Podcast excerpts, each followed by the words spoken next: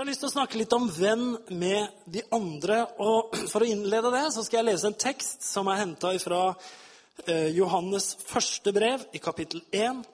Og jeg skal lese vers 1 til 4. Jeg ble betatt av musikk. Jeg liksom oppdaga musikk sånn i starten av tenåra.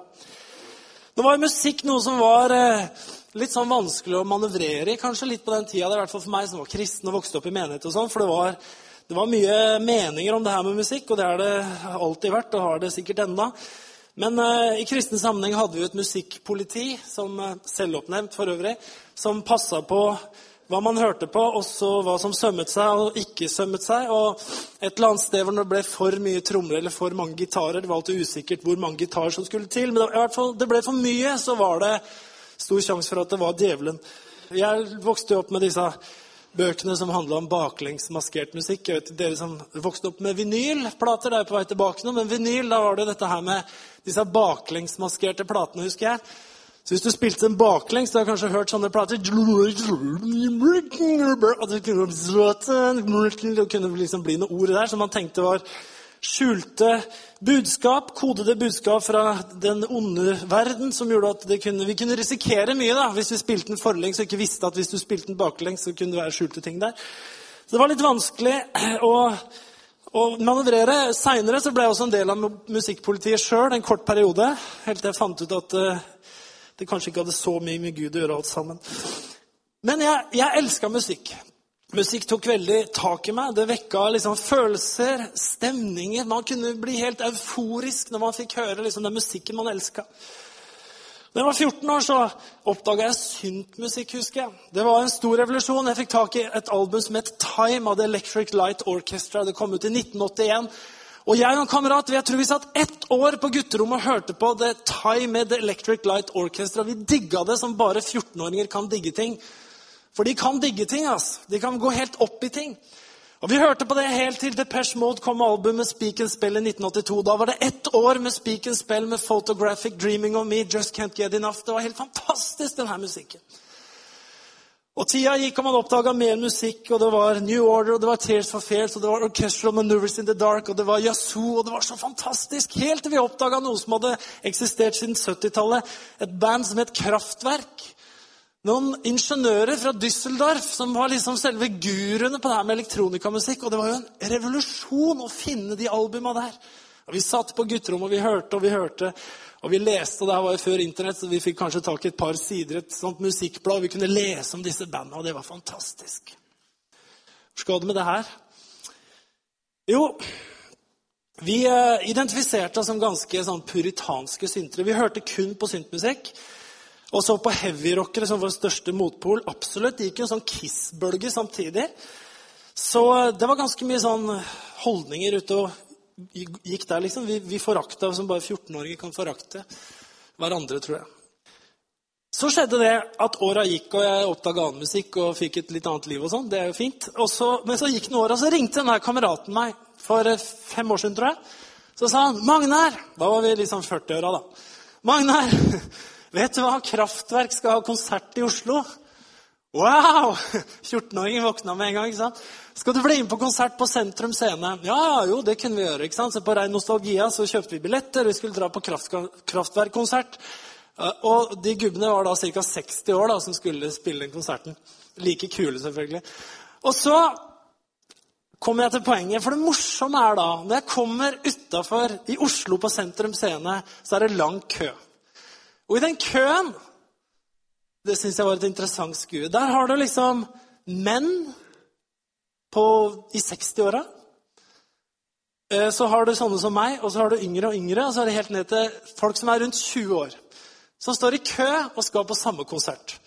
Og jeg så liksom at De som var i 60 år hadde noen sånne gamle T-skjorter som de bare sikkert brukte spesielle anledninger, som sto Kraftverk på. Autobahn det var et album som ble gitt ut i 19, 1974. ikke sant?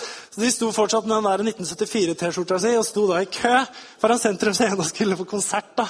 Mens de som var yngre, hadde litt nyere eh, editions av de T-skjortene. De gamle har sikkert vært fem millioner kroner for fansa. Men i hvert fall, de sto der. ikke sant? Vi skulle kunne tenkte dette var interessant. Her står folk fra alle generasjoner, fra alle sosiale lag. Sikkert noen direktører som hadde fått på seg den T-skjorta skulle på konsert. ikke sant? Der var vi fra alle mulige sjikt i samfunnet, alle mulige sammenhenger, alle steder i Norge som hadde kommet for å være på den konserten der. Hvorfor? Jo, for det var én ting som alle hadde felles. Det var én ting som alle elska hadde blitt fascinert av. Det var musikken til det der bandet her. Uansett hvor det kom fra, så var det akkurat som den dagen så følte vi en slags samhørighet. Mm, der er de. Mm, de er sånn som meg, liksom. De, likte, de satt på gutterommet og likte det samme som jeg likte. De sloss også mot Kiss-fansa. ikke sant? De så på VG topp 10-lista og kunne ikke skjønne hvorfor ikke Kraftverk var øverst på lista. Hvordan folk ikke kunne skjønne at dette var verdens beste musikk. De var sikkert også sånn som jeg. Så sto vi der, alle sammen for alle mulige sammenhenger og følte en eller annen type enhet. Når jeg var 21 år, så var det noe en enn musikk som skulle fange interessen min. Da møtte jeg Gud. Eller Gud møtte meg. Spørs hvordan du ser på det. Men jeg tror kanskje det var Gud som møtte meg. Men jeg bestemte meg for å følge Guds plan for mitt liv. Jeg overga meg skikkelig til Gud. Fra å være forholdsvis uinteressert i ting som hadde med kristen tro og kristne møter å gjøre, så skjedde en revolusjon inni meg i januar 1989. Gud møtte meg på en mye sterkere måte enn det Electric Light Orchestra noen gang hadde klart. Og jeg ble helt klart veldig, veldig dedikert på å følge Gud resten av livet. Ting jeg før syntes var kjedelig, som f.eks. å høre på prekener, gå på kristne møter eller bønnemøter, AKV Alt det her, det, det ble så interessant. Det ble så levende. Det var noe jeg tørsta så mye etter. Så en periode i 1989 så var det sånn at jeg, jeg leita etter å finne møter og bønnemøter og et eller annet i den gata hver dag i byen. Og jeg gikk overalt på møter. Jeg gikk eh, på forskjellige menigheter, på Matthews House, forskjellige steder. Bare jeg liksom kunne gå på et bønnemøte eller et møte et eller annet slag. Det var en skikkelig brann inni meg. Jeg fikk liksom fylt opp uka med møter og prekener og bønnemøter og det ene. Det som skjedde i forbindelse med det, var at jeg traff veldig mange voksne mennesker som kunne bare være to og tre, holdt jeg på å si, nesten i hvert fall én og to generasjoner eldre enn meg. Og De satte tydeligvis pris på at en sånn jypling som meg kom på samlinger og møter der det neppe kan sies at det var mye ungdommer som vanka. Det var i en sånn sammenheng jeg bl.a. traff mannen som seinere skulle bli min svigerfar, som het Stein Olsen. På en sånn sammenheng. Jeg hadde blitt kompis med en av gutta hans, som var broren til Katrin. Dette var før jeg oppdaga Katrin, for jeg oppdaga henne gjennom denne broren som ble kamerat med. Så jeg begynte å vanke en del der nede hvor Katrin vokste opp, også før jeg oppdaga henne skal jeg ikke gå nærmere inn på hvordan jeg oppdaga henne, men det kom et punkt hvor det skjedde. selvfølgelig. Det som var, var at jeg hadde oppdaga Gud, og denne mannen som skulle bli min svigerfar, han var også veldig opptatt av Gud. Så selv om ikke kompisen min var hjemme, så kom jeg likevel inn. Og Veldig ofte så kunne jeg sitte både to, og tre og fire timer på kjøkkenet og snakke med han om Gud. Han var i 50-åra, og jeg var 21 år. Han, jeg spurte, og han fortalte, og tok seg en røyk innimellom. Han gjorde faktisk det. Jeg måtte bare si det, liksom. En av de andre brødrene til Katrin kom til meg da og sa Magnar, når Sven ikke er hjemme, og du går inn og sitter med faderen på kjøkkenet Jeg mener Hvorfor gidder du det? Altså, Åssen kan du snakke med han i tre-fire timer, liksom? Jeg skjønner ingenting. Vi snakka om Gud. Jeg syns det var kjempeinteressant. Og Noe av det som skjedde, var at generasjonskløfta forsvant fordi at vi var opptatt av det samme. Vi elska det samme. Vi hadde troen felles. Seinere i den perioden så kom jeg til å bruke ganske mye tid sammen med folk som var eldre enn meg sjøl. Vi snakka om Gud, vi ba sammen, vi snakka sammen, delte livet. Noen av dem fant ut etter hvert at egentlig var veldig rare og sære og hadde masse rare meninger. Men noen av dem de ga meg ting som jeg har tatt vare på videre i livet. Etter hvert så reiste jeg på bibelskolen og fikk den samme opplevelsen. Vi ble delt opp i bønnegrupper i, i klassen vår. Og Jeg var på den bibelskolen som kanskje er den, det er den største bibelskolen som har vært noensinne i Skandinavia. Kanskje den kommer til å bli det òg i overskuelig framtid. Vi var 1200 elever på bibelskolen jeg gikk der på Livets Ord i Uppsala. Det var virkelig liksom vekkelsestider. Men jeg erfarte det samme. Jeg kom sammen med folk fra forskjellige generasjoner. Og Vi møttes, og vi hadde et godt fellesskap sammen fordi vi hadde funnet kjærlighet til det samme. I leiligheten hvor jeg bodde, hadde vi også et spennende fellesskap. Der bodde jeg sammen med en svenske. Jeg bodde sammen med en vesttysker og en østtysker. Vi tenkte litt sånn enda, Muren hadde liksom alltid akkurat falt. Men det var en østtysker, en vesttysker, en svenske, en bergenser og meg og en familie på tre fra Bangladesh. Vi bodde sammen i én leilighet på ca. 90 kvadratmeter. Det var spennende, skal jeg love deg. Vi delte omtrent alt unntagen tannbørste, tannkrem og mat. Og et par andre ting. Men hva er det vi oppdaga? Vi oppdaga at dette funka fordi vi hadde noe sammen. Vi hadde noe som vi elska sammen. Vi elska Gud. Vi hadde funnet Jesus. De første åra altså nytent kristen så var det plutselig noe nytt som hadde blitt en del av livet. Jeg hadde blitt venn med folk som egentlig tidligere hadde vært de andre. Som hadde folk jeg ellers aldri hadde vært sammen med. Folk jeg ellers aldri hadde hatt noe med å gjøre. Folk som ikke likte syntmusikk, indie-rock eller annen undergrunnsrock. Folk som ikke drev med windsurfing eller ishockey. Folk som ikke var interessert i biler eller likte survival-turer i skauen. Jeg traff mange folk som var helt annerledes enn meg. Men vi fikk et fint fellesskap allikevel. Til og med flere militærnektere fikk jeg fint fellesskap sammen med. Det var én ting som brakte oss sammen. Og det var at vi hadde funnet kjærlighet til det samme. Hva er det som kan forene sosiale klasser, generasjoner? Hva er det som kan sprenge geografiske rammer i forhold til å dele fellesskapet? Hvordan kan vi være sammen med de andre og ha det helt strålende? Det må være at vi har funnet kjærlighet til det samme så blir de andre plutselig våre venner.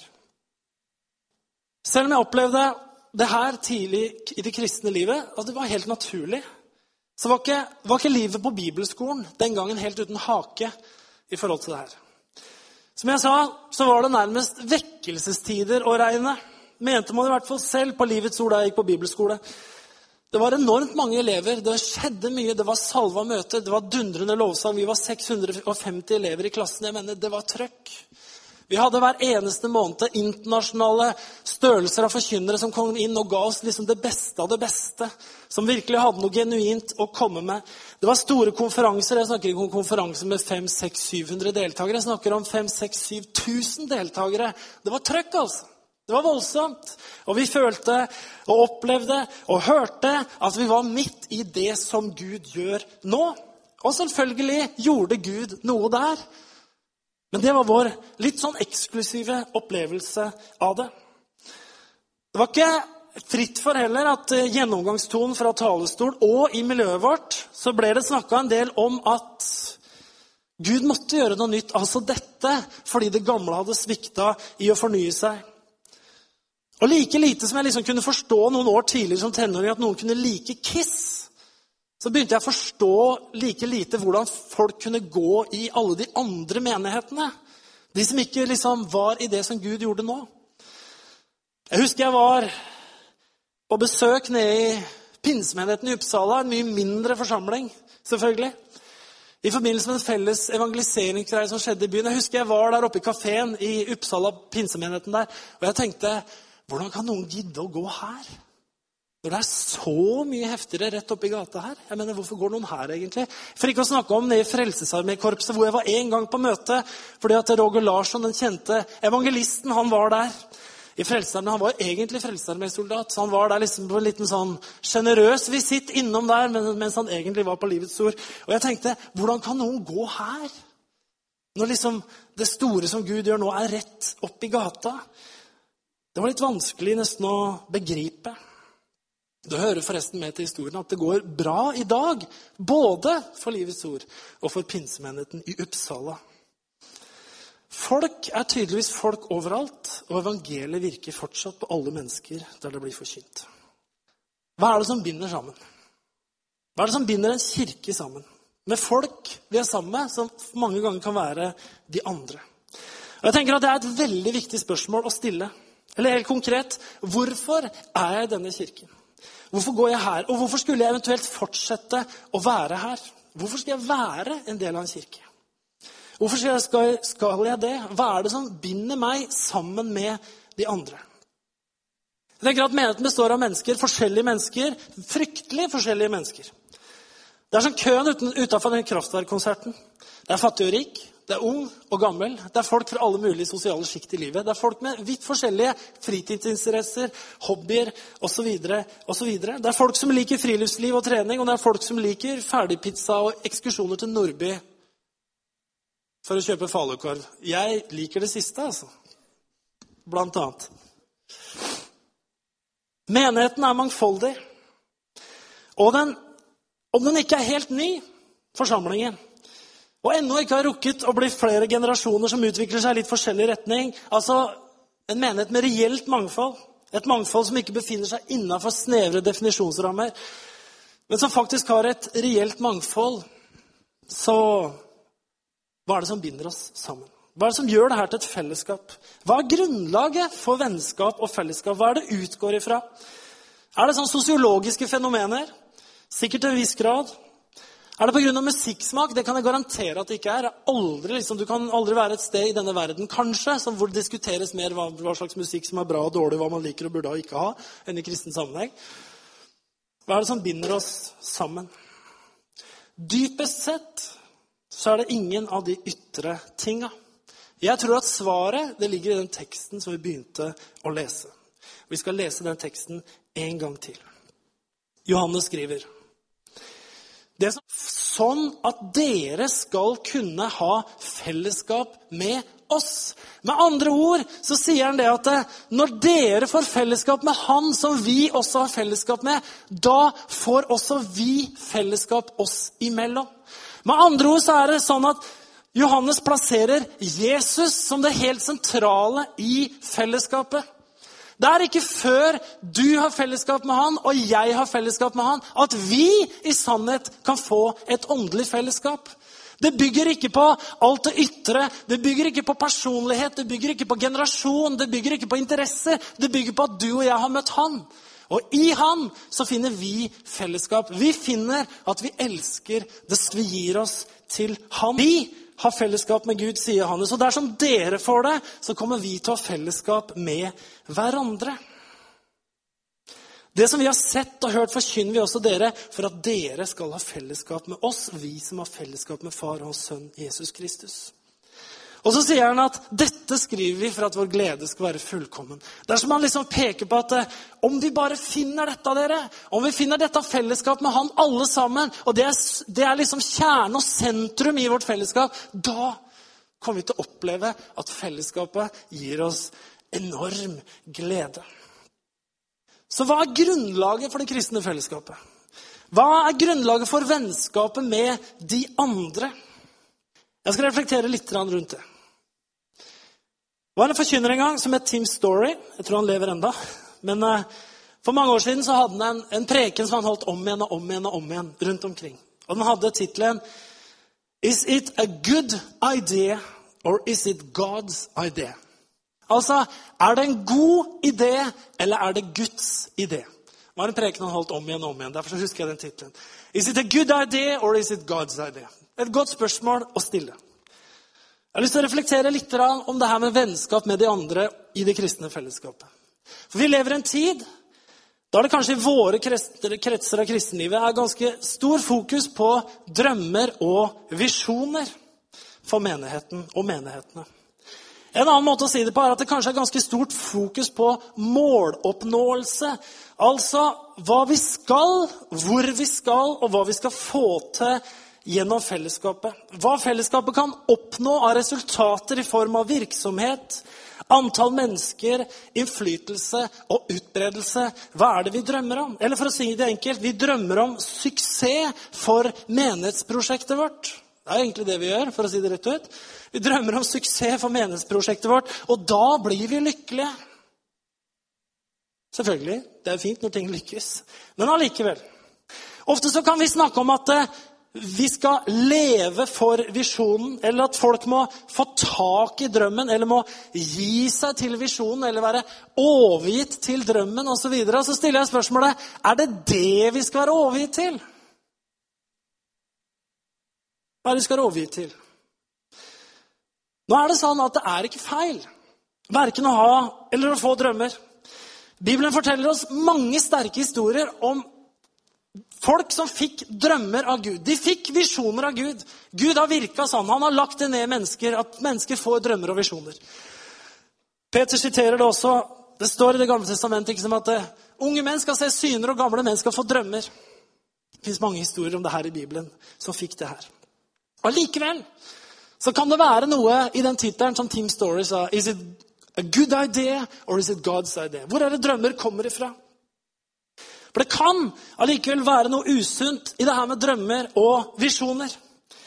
Bibelen forteller oss sterke historier om det her, men allikevel kan det være noe usunt.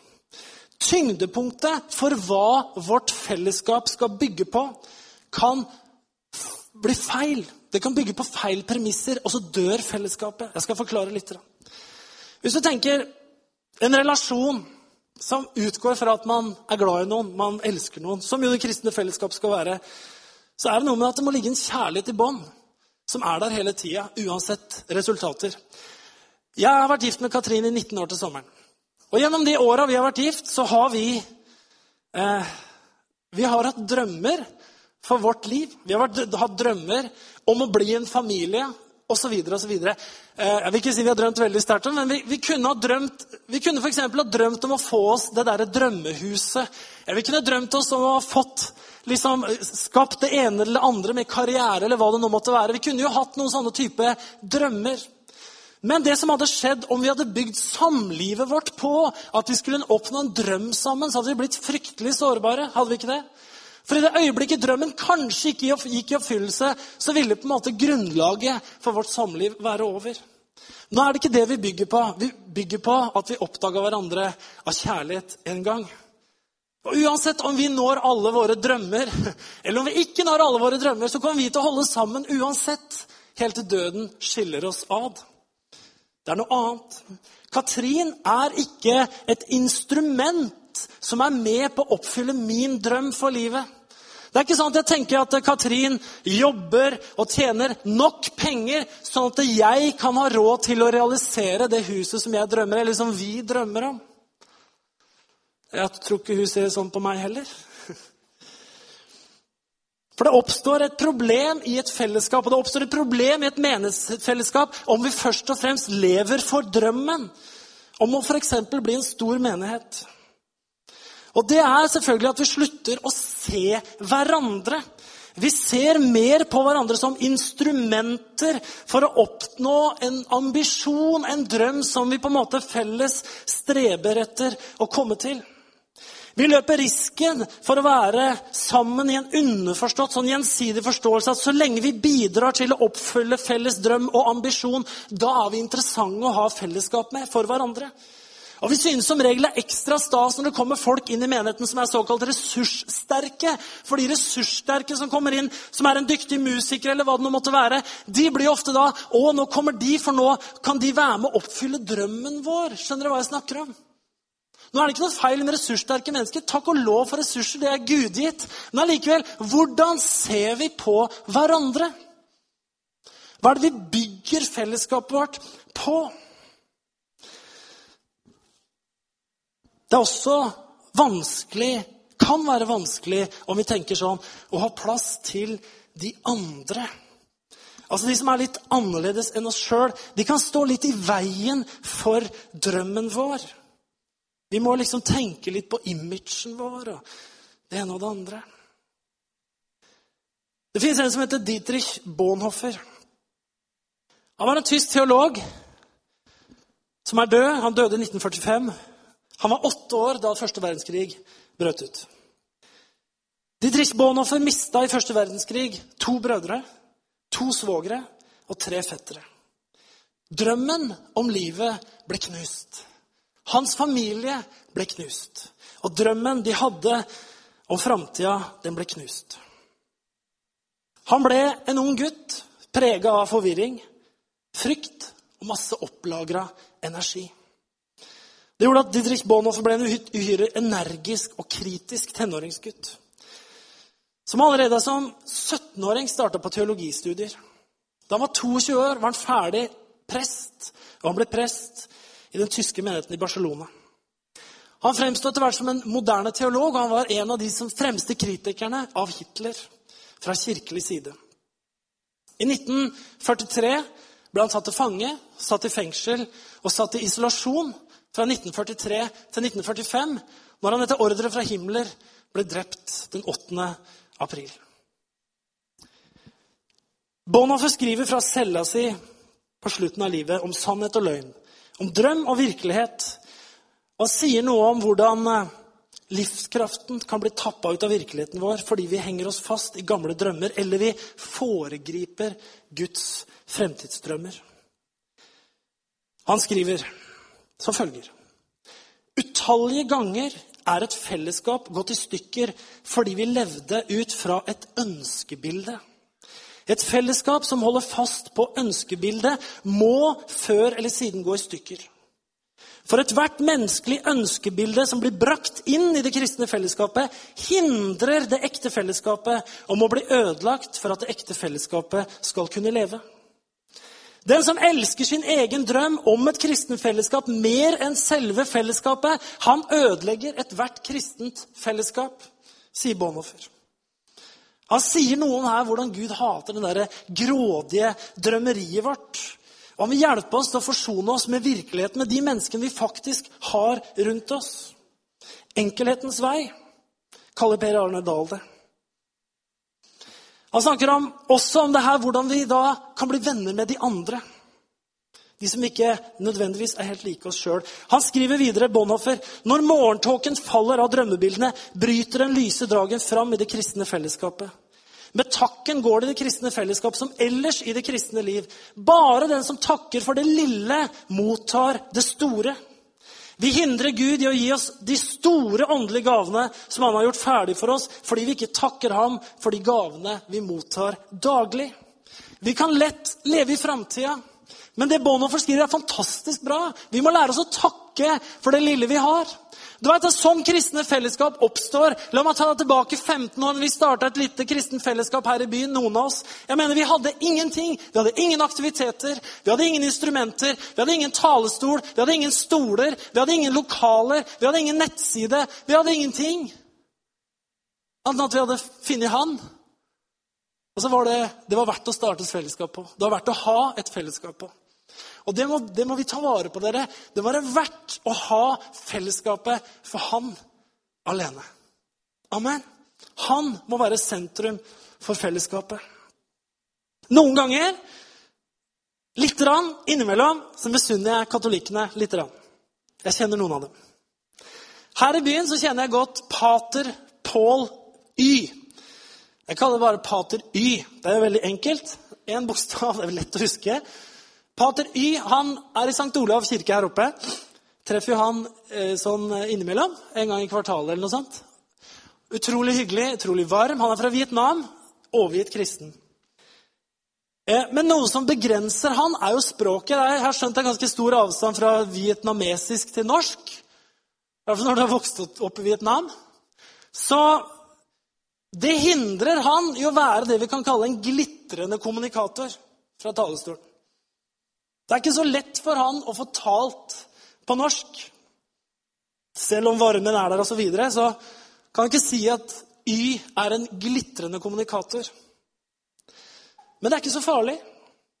Fordi at sentrum i den katolske kirken er ikke først og fremst predikanten eller den glitrende presten eller den glitrende kommunikatoren. Sentrum i den katolske kirken er sakramentene og ikke hvem som for tiden er pater i menigheten. Saken er at jordbærplukkerne fra Polen som kom på besøk om sommeren, som kommer opp til St. Olav her for å feire gudstjenester, de kommer ikke fordi pater Y er den heftigste predikanten i Norge. De sjekker ikke liksom, hvem er det som preker nå. De sjekker ikke det. De drar til kirken for å motta sakramentene. For å være med feire gudstjeneste. Sannsynligvis vet de ikke hvem som er pater i den menigheten. Men i vår karismatiske verden så er det annerledes på godt og vondt. Vi reiser gjerne dit hvor vi finner de beste predikantene og den heftigste lovsangen. Hvor vi har litt starshots ute og går. For å sette det på spissen, der katolikkene mottar sakramentene, kan vi stå i risiko for å konsumere sterke møter. Der katolikkene blir lokket til fellesskap rundt sakramentene, blir vi lokket av hotshot på den karismatiske stjernehimmelen og siste nytt. For å sette det litt på spissen. Skjønner du hva jeg snakker om? Så noen ganger misunner jeg dem litt. Da. Hvorfor har de full kirke om påske? Ikke fordi det er en kjent predikant der. De har full kirke fordi folk drar dit for å feire påske, for å gjøre sakramentene, for å gå gjennom påsken sammen. Vi gjør ikke det. Jeg gjør ikke det. Vi drar på hytta og har det koselig der. Og det har vi. Men det er et lite sånn spørsmålstegn. De andre Vi har noe felles, dere. Akkurat som utafor køen til denne kraftverkkonserten. Så har vi Våre rom, hver eneste en av oss, hvor vi har sittet og lytta til musikken, hvor vi har sittet og lytta til Gud, hvor vi har møtt Jesus, hvor vi har møtt Gud. Og så har vi alle vår unike historie inn med oss i fellesskapet sammen med de andre. Og så kan vi komme sammen som forsamling holdt jeg på å stelle oss i køen.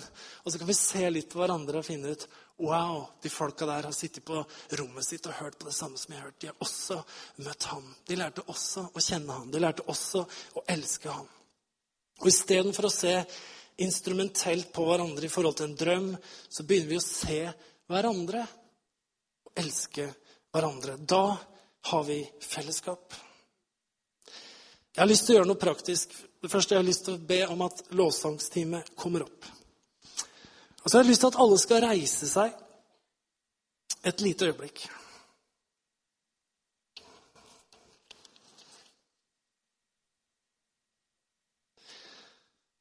Tenk deg bare inn i det rommet her akkurat nå. Så er det så mange forskjellige mennesker. Skal Stiger og Håvard spille litt? Skal vi, jeg har lyst til å gjøre en liten sak. Jeg har godt av det. Du har godt av det. Jeg har lyst, Mens de spiller her litt nå, så har jeg lyst til at du skal kikke litt rundt deg. Se litt på folk. Kan det hende to finner at de står og stirrer på hverandre? Du kan se på noen andre sida sånn. Da Kikk litt rundt deg, og så tenk på alle de menneskene som du ser akkurat nå. De har møtt han samme som du har møtt. Jeg ser at dere bare ser framover rett på lerretet her. Ikke der dere skal se nå. Kan dere kikke dere litt Jeg vet det er vanskelig å se på folk. Altså. La oss øve på det. Tenk at alle de som du ser på, det den du ser på nå, har sin historie med Gud. En eller annen gang møtte de Gud. En eller annen historie har de i livet sitt som er annerledes enn din. En eller annen relasjon fins der inne til den samme Gud som du har relasjon til. Og så kan du spørre deg Hva er det som gjør at, at disse andre kan være mine venner? Vi kan ha fellesskap. Så finner vi at det må være noe som er evig, noe som det er hold i. Og det er han. Han må være i sentrum for vårt fellesskap. Skal vi be en bønn? Kanskje du kan plukke deg ut én som du ser i salen, som du bare plukker ut inni hjertet ditt akkurat nå. Skal vi be, skal vi takke Gud for de andre. Kanskje det er én som du har sett akkurat nå, som du kan takke Gud for.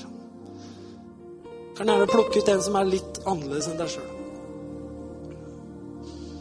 Herre, så takker vi deg for at du døde for alle mennesker, Herre. Takk for at du ikke døde for mennesker av en spesiell rase, fra et bestemt sted, fra en spesiell sosial klasse, med en spesiell smak. Men Herre, du døde for alle mennesker, til alle tider, fra alle steder, Herre. Det store budskapet ditt som disippel er altså vanskelig for å forstå, det var at det, det budskapet om deg det skulle ut i hele verden. Ikke bare til jødene, men det skulle ut til alle folkeslag. Alle tungemål, alle typer folk skulle få høre om deg. Skulle få møte deg, Herre. Herre, takk for de vi har rundt oss. Takk for de som vi har i vårt nabolag. De som vi har i benken ved siden av oss. Takk for dem, Herre. Takk for at du døde for dem.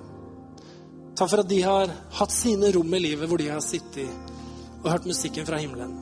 Hvor de har møtt deg. Hvor de har erfart deg. Hvor de har fått sin historie med deg, Herre.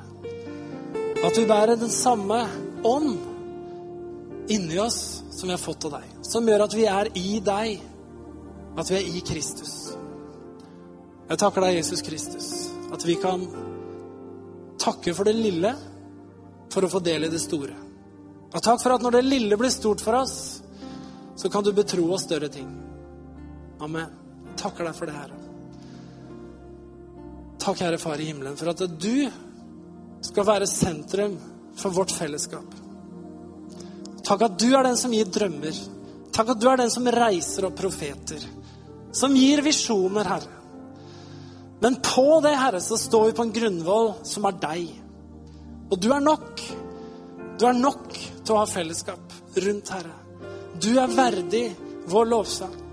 Takk at det er ikke våre prestasjoner eller våre resultater som er verdig vår lovsang, men det er deg som er verdig vår lovsang. Det er du som skal lovprises, Herre. Noen priser hester, og noen priser vogner. Men vi, vi vil prise deg, Herre. Hjelp oss å ta vare på det. I Jesu navn. I Jesu navn. Jeg vil at vi blir stående, og så vil jeg at vi skal bare prise Han, som er vårt sentrum, som er senter for vårt fellesskap, som er grunnvollen vi står på, som er fundamentet, som er Jesus Kristus. La oss prise Han. La oss ikke prise hester og vogner og alt vi er og har og får til, eller hva det måtte være, men la oss prise Han. La det være. La være det som står igjen. At på grunnlag av det så kan vi være venner med de andre. De som er annerledes enn oss. I Jesu navn. Gud velsigne deg. Amen. Synger Jesus.